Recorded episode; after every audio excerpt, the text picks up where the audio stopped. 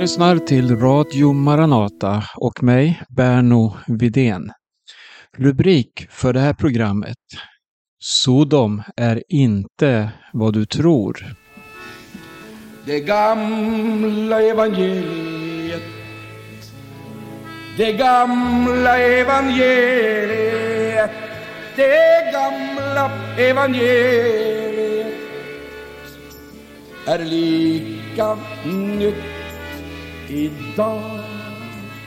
Det gamla evangeliet Det gamla evangeliet. Åh, halleluja. Det gamla evangeliet. Det är lika nytt idag. Halleluja, halleluja. Egen kraft ej sviker oss Halleluja Ja, det gamla evangeliet hör vi i sången här. Och faktum är att det gamla evangeliet, ordet, Bibeln, alltså Guds eget ord till oss människor, det har svaret på påståendet som jag inledde det här programmet med. Sodom är inte vad du tror. När vi läser om Sodom i Bibeln så eh, finns det dels då i Första Mosebok en del eh, citat där Sodom nämns. Och eh, det var ju en väldigt fin, grönskande plats. Det står så här i Första Mosebok 13. Lot som följde med Abraham, han hade också får och nötboskap och tält. Och landet kunde inte livnära dem där de bodde i samma område. De hade så mycket boskap att de inte kunde bo tillsammans. Och så står det att det uppstod tvister mellan deras herdar. Och Abraham han sa till Lot att det ska inte vara någon tvist mellan mig och dig. Och eh, så fick Lot välja vart han ville gå. Vill du gå åt vänster så går jag åt höger och så vidare. Och då står det så här i vers 10 i Första Mosebok 13. Lot lyfte blicken och såg hela Jordanslätten som överallt var vattenrik. Innan Herren fördärvade Sodom och Gomorra var den nämligen som en Herrens lustgård, som Egyptens land ända till Soar.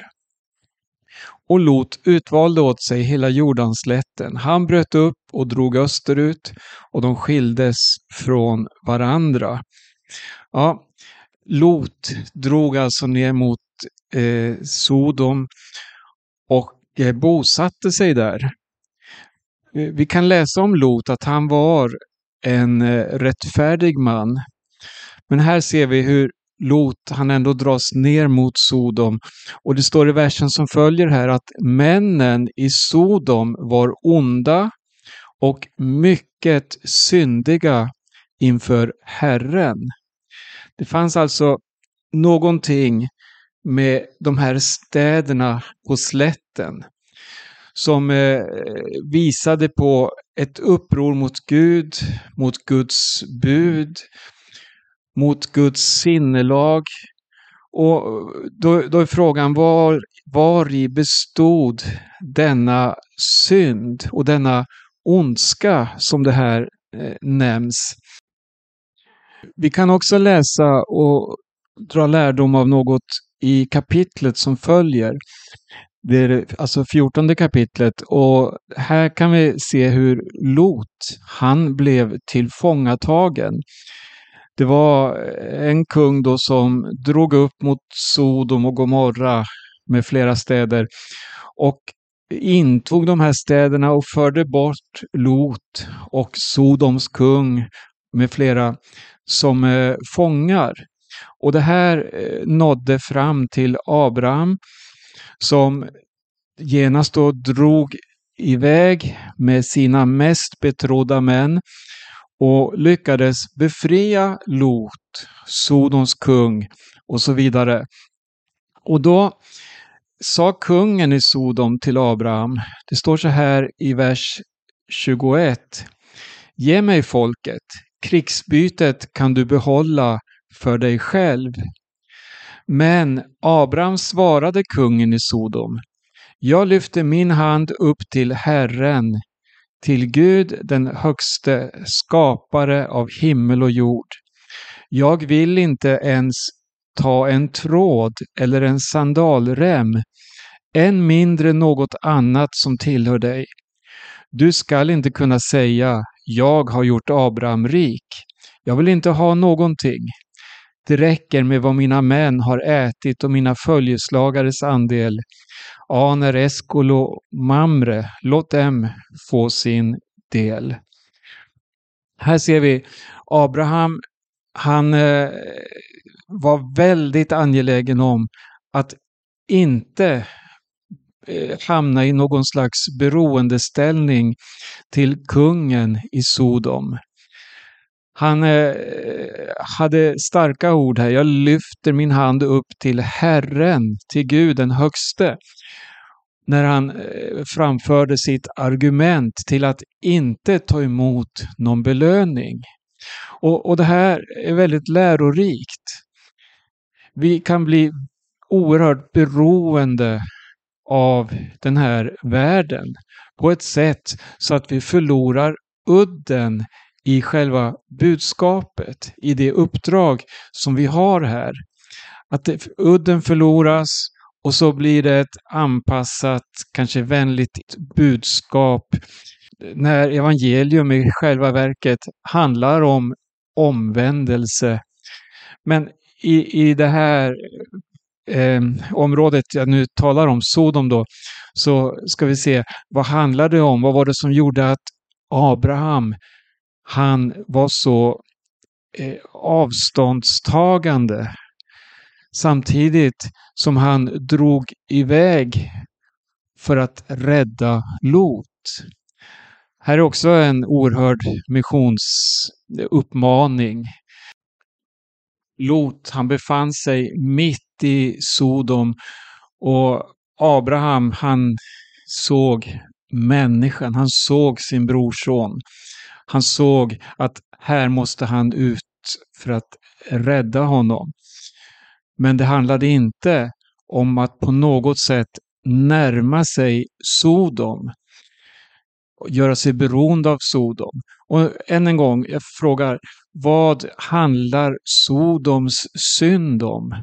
Vad är det som, som är så betecknande som gör att hela Bibeln från början till slut tar avstånd från Sodom.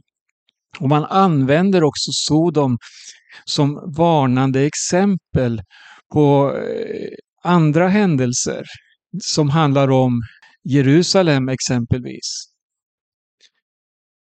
Vi kan gå fram några kapitel till eh, kapitel 18 då i Första Mosebok. Och här har vi ett besök som Herren gör hos Abraham. Och då säger han så här till Abraham, kan jag väl dölja för Abraham vad jag tänker göra? Och då står det så här från vers 20. Herren sade, ropet över Sodom och Gomorra är starkt och deras synd är mycket svår. Därför vill jag gå ner och se om det allt har gjort efter det rop som har nått mig. Om det inte är så vill jag veta det. Alltså, här ser vi att Gud, han är en bönhörande Gud. Han har hört ett rop stiga upp. Han hör alla rop som stiger upp. Vad ska vi säga? Från orättfärdighetens offer. Det handlar om orättfärdighet. Men här, Sodom, vad är det för rop som stiger upp från Sodom? Om vi läser vidare så ser vi då hur änglarna så småningom går in i Sodom på, I kapitel 19 står det på kvällen kom de två änglarna till Sodom och Lot satt då i Sodoms port. Och när han fick se dem så steg han upp för att möta dem och han föll ner med ansiktet mot jorden. Och så bjöd han in änglarna till sig och han bad dem enträget. Men eh, det står sen att vi ska läsa här i vers 4 i kapitel 19. Innan de hade lagt sig omringades huset av männen i staden, Sodoms män. Både unga och gamla, allt folket utan undantag. De kallade på Lot och sa till honom Var är de män som kom till dig i natt? För ut dem till oss så att vi får känna dem. Och här, här ser vi en mentalitet som var rådande då i Sodom. Man eh, reagerade på besöket som Lot hade, Lot som också var en främling. Och man ville skända dem, alltså man ville våldföra sig på det här besöket. Eller känna dem, det är ett ord som har en sexuell anknytning. Men det här var ju då ett resultat av en livsstil. Och det är den här livsstilen tror jag som är själva orsaken till den utveckling vi sen ser äga rum i Sodom. Och här kan vi läsa vidare i Gamla Testamentet och också i Nya. Och jag ska citera några bibelord, dels från Hesekiel. Och eh, här kan vi läsa i 16 kapitlet. Det står, det handlar egentligen om Jerusalem, men Sodom lyfts fram då som ett varnande exempel. Eh, vi läser från vers 48. Så sant jag lever, säger Herren, Herren. Din syster Sodom och hennes döttrar har inte gjort vad du och dina döttrar har gjort. Se, detta var din syster Sodoms synd.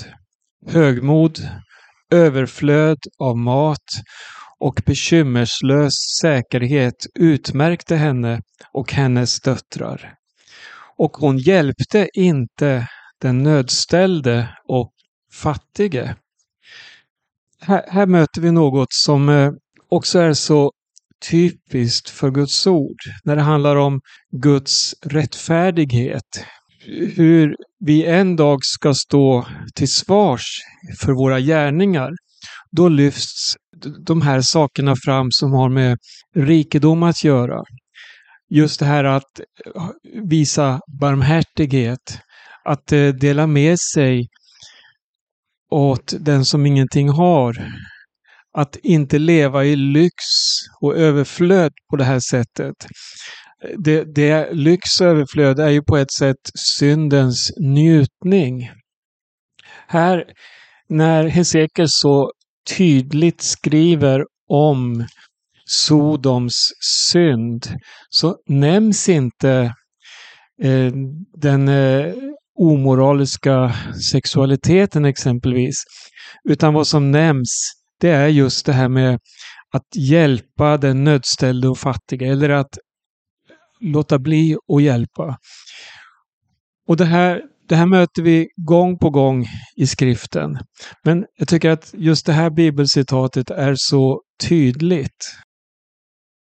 Också Jesaja skriver om Sodom i jämförelse med Jerusalem. Eh, det tredje kapitlet har en rubrik här som heter Straffdom över Juda och Jerusalem. Vi läser från den eh, åttonde versen. Ty Jerusalem vacklar och Juda faller, därför att det med tal och gärningar står emot Herren, upproriska mot hans härlighets ögon. Deras uppsyn vittnar emot dem. Liksom Sodoms folk bedriver de sina synder öppet och döljer dem inte. Ve över deras själar. Till själva har de berett sig olycka. Säg till den rättfärdiga att det ska gå honom väl, ty sina gärningars frukt ska de äta. Men ve över den ogudaktige. Honom skall det gå illa, han ska vedergällas efter sina gärningar. Och så följer här en konkretisering. Mitt folks förtryckare är barn och kvinnor härskar över det. O mitt folk, dina ledare för dig vilse och fördärvar den väg du skulle gå. Herren trädde fram för att gå till rätta. Han står upp för att döma folken. Herren håller rättegång med sitt folks äldste och dess furstar. Ni har skövlat vingården. Rov från de fattiga finns i era hus. Vad menar ni med att krossa mitt folk och mala sönder de fattiga, säger Herren, Herren Sebaot. Och vidare då den här stoltheten Eh, som speglas här. Sions döttrar är så högmodiga. Det går med rak hals och spelar med ögonen. Trippar och pinglar med sina fotringar. Men det är en, ett domstal över orättfärdigheten, över förtrycket mot de fattiga, mot den som ingenting har. Och här tror jag vi har själva kärnan i det som är Sodoms synd. Om vi går till eh, Klagovisorna, det fjärde kapitlet, så kan vi läsa från vers 5. Det som förr åt läckerheter tynar bort på gatorna. Det som växte upp i purpur måste ligga i dyn. Missgärningen hos dottern, mitt folk, är större än Sodoms synd. Det omstörtades på ett ögonblick utan att människohänder rörde vid det. Och vi ska ta med ett citat till från profeten Amos, där han lyfter fram Israels förhärdelse. Och vi läser en vers här bara, vers 11 i det fjärde kapitlet. Då. Jag lät ödeläggelse drabba er, liksom när Gud ödelade Sodom och Gomorra. Ni var som en brand ryckt ur elden, och ändå har ni inte vänt om till mig, säger Herren. Det är som vi ser rakt igenom skriften många allvarliga jämförelser där Sodom ställs fram som varnande exempel. Ett eh, bibelord i Romarbrevet, det första kapitlet. Här eh, talar Paulus om eh, eh de synliga tecken som finns i skapelsen på eh, Guds härlighet och Guds storhet. Det står från vers 18 så här. Guds vrede uppenbaras från himlen över all ogudaktighet och orättfärdighet hos människor som i orättfärdighet undertrycker sanningen. Man undertrycker sanningen. Man eh, agerar alltså på ett sätt mot Guds vilja, mot Guds rättfärdighet. Och studera Guds rättfärdighet och du finner snabbt den här föreningen med eh, eh, egoismen, materialismen, sökande efter det här livets goda. Att leva ett njutningsfullt liv och så vidare. Sen fortsätter eh, Paulus här och talar om hur människorna här då, fastän de kände till Gud, prisade de honom inte som Gud eller tackade honom, utan förblindades av sina falska föreställningar, så att mörkret sänkte sig över deras oförståndiga hjärtan.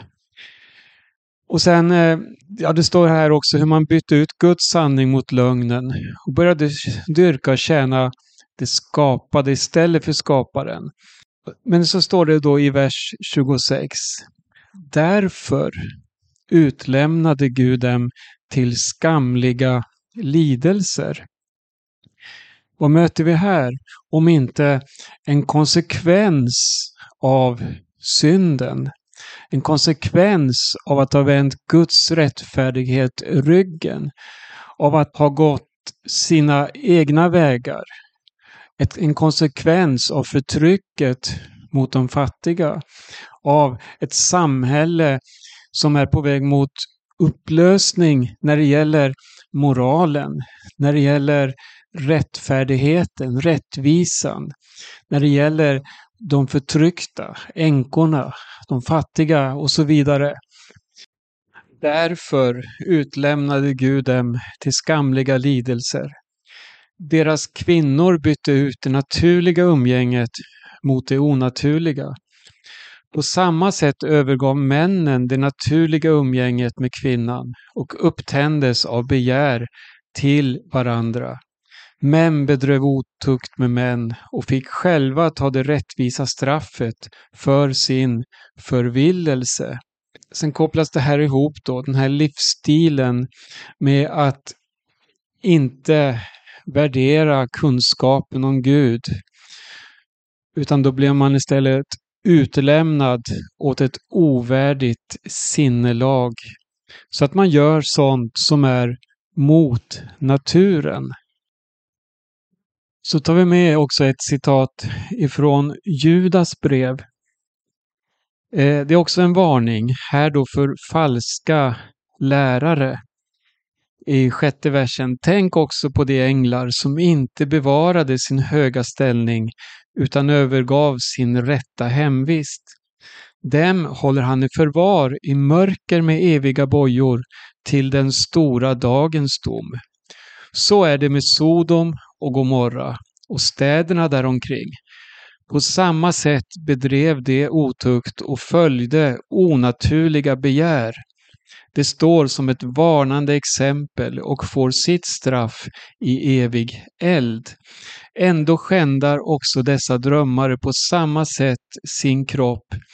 Herren föraktar det och höga makter smedar det. Här, här talas det om lärare, falska lärare och man förstår ju att en lärare har ju ett oerhört ansvar. En dag så ska vi ju faktiskt allesammans, varenda människa på den här jorden, så ska vi stå inför Gud. Vi ska stå inför domstolen, inför honom som dömer rättvist var och en efter hans gärningar.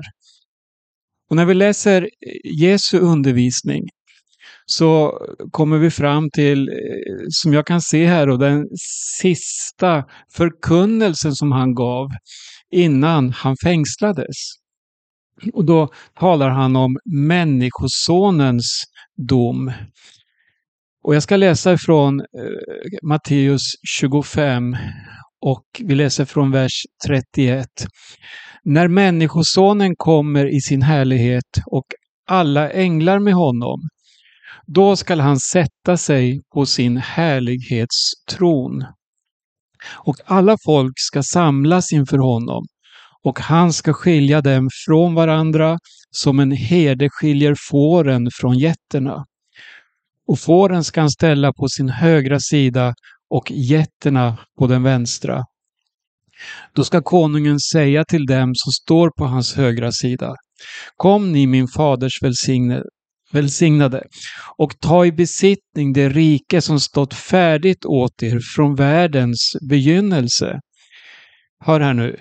Ty jag var hungrig och ni gav mig att äta. Jag var törstig och ni gav mig att dricka. Jag var främling och ni tog emot mig. Jag var naken och ni klädde mig. Jag var sjuk och ni besökte mig. Jag var i fängelse och ni kom till mig. De här frågorna, de här gärningarna, eller det här sättet att leva, att ständigt vara öppen, ta emot, hjälpa, lyfta upp, besöka och se den förtryckte, se flyktingen, se främlingen. Allt det här lyfter Jesus fram i sin undervisning som något väldigt positivt och något väldigt avgörande också inför den dag vi ska dömas utifrån våra gärningar. Då skall de rättfärdiga svara honom, Herre, när såg vi dig hungrig och gav dig att äta eller törstig och gav dig att dricka? Och när såg vi dig vara främling och tog emot dig eller naken och klädde dig? Och när såg vi dig sjuk eller i fängelse och kom till dig? Då skall konungen svara dem, Amen säger jag er. Allt vad ni har gjort för en av dessa mina minsta bröder, det har ni gjort mot mig. Det här är Kristi sinnelag. Det här är att vandra på den smala vägen. Att inte söka sitt eget, men att ständigt ha ögonen öppna för vem kan jag hjälpa? Vem kan jag nå fram till? Och här har vi också det som är evangeliets eh, kännetecken. Läs eh, hur den urkristna församlingen agerade när man på pingstdagen uppfyllda av den heliga Ande gav sig ut på Jerusalems gator. Man förkunnade evangelium och människor fick styng i sina hjärtan. Man vände om. Och vad ledde det till? Jo, det ledde till att man inte längre eh, sökte efter det materiella, utan man började att dela med sig utifrån vad var och en behövde. Vi fortsätter läsningen här. Och sedan ska han säga till dem som står på den vänstra sidan. Gå bort ifrån mig, ni förbannade, till den eviga elden som är beredd åt djävulen och hans änglar.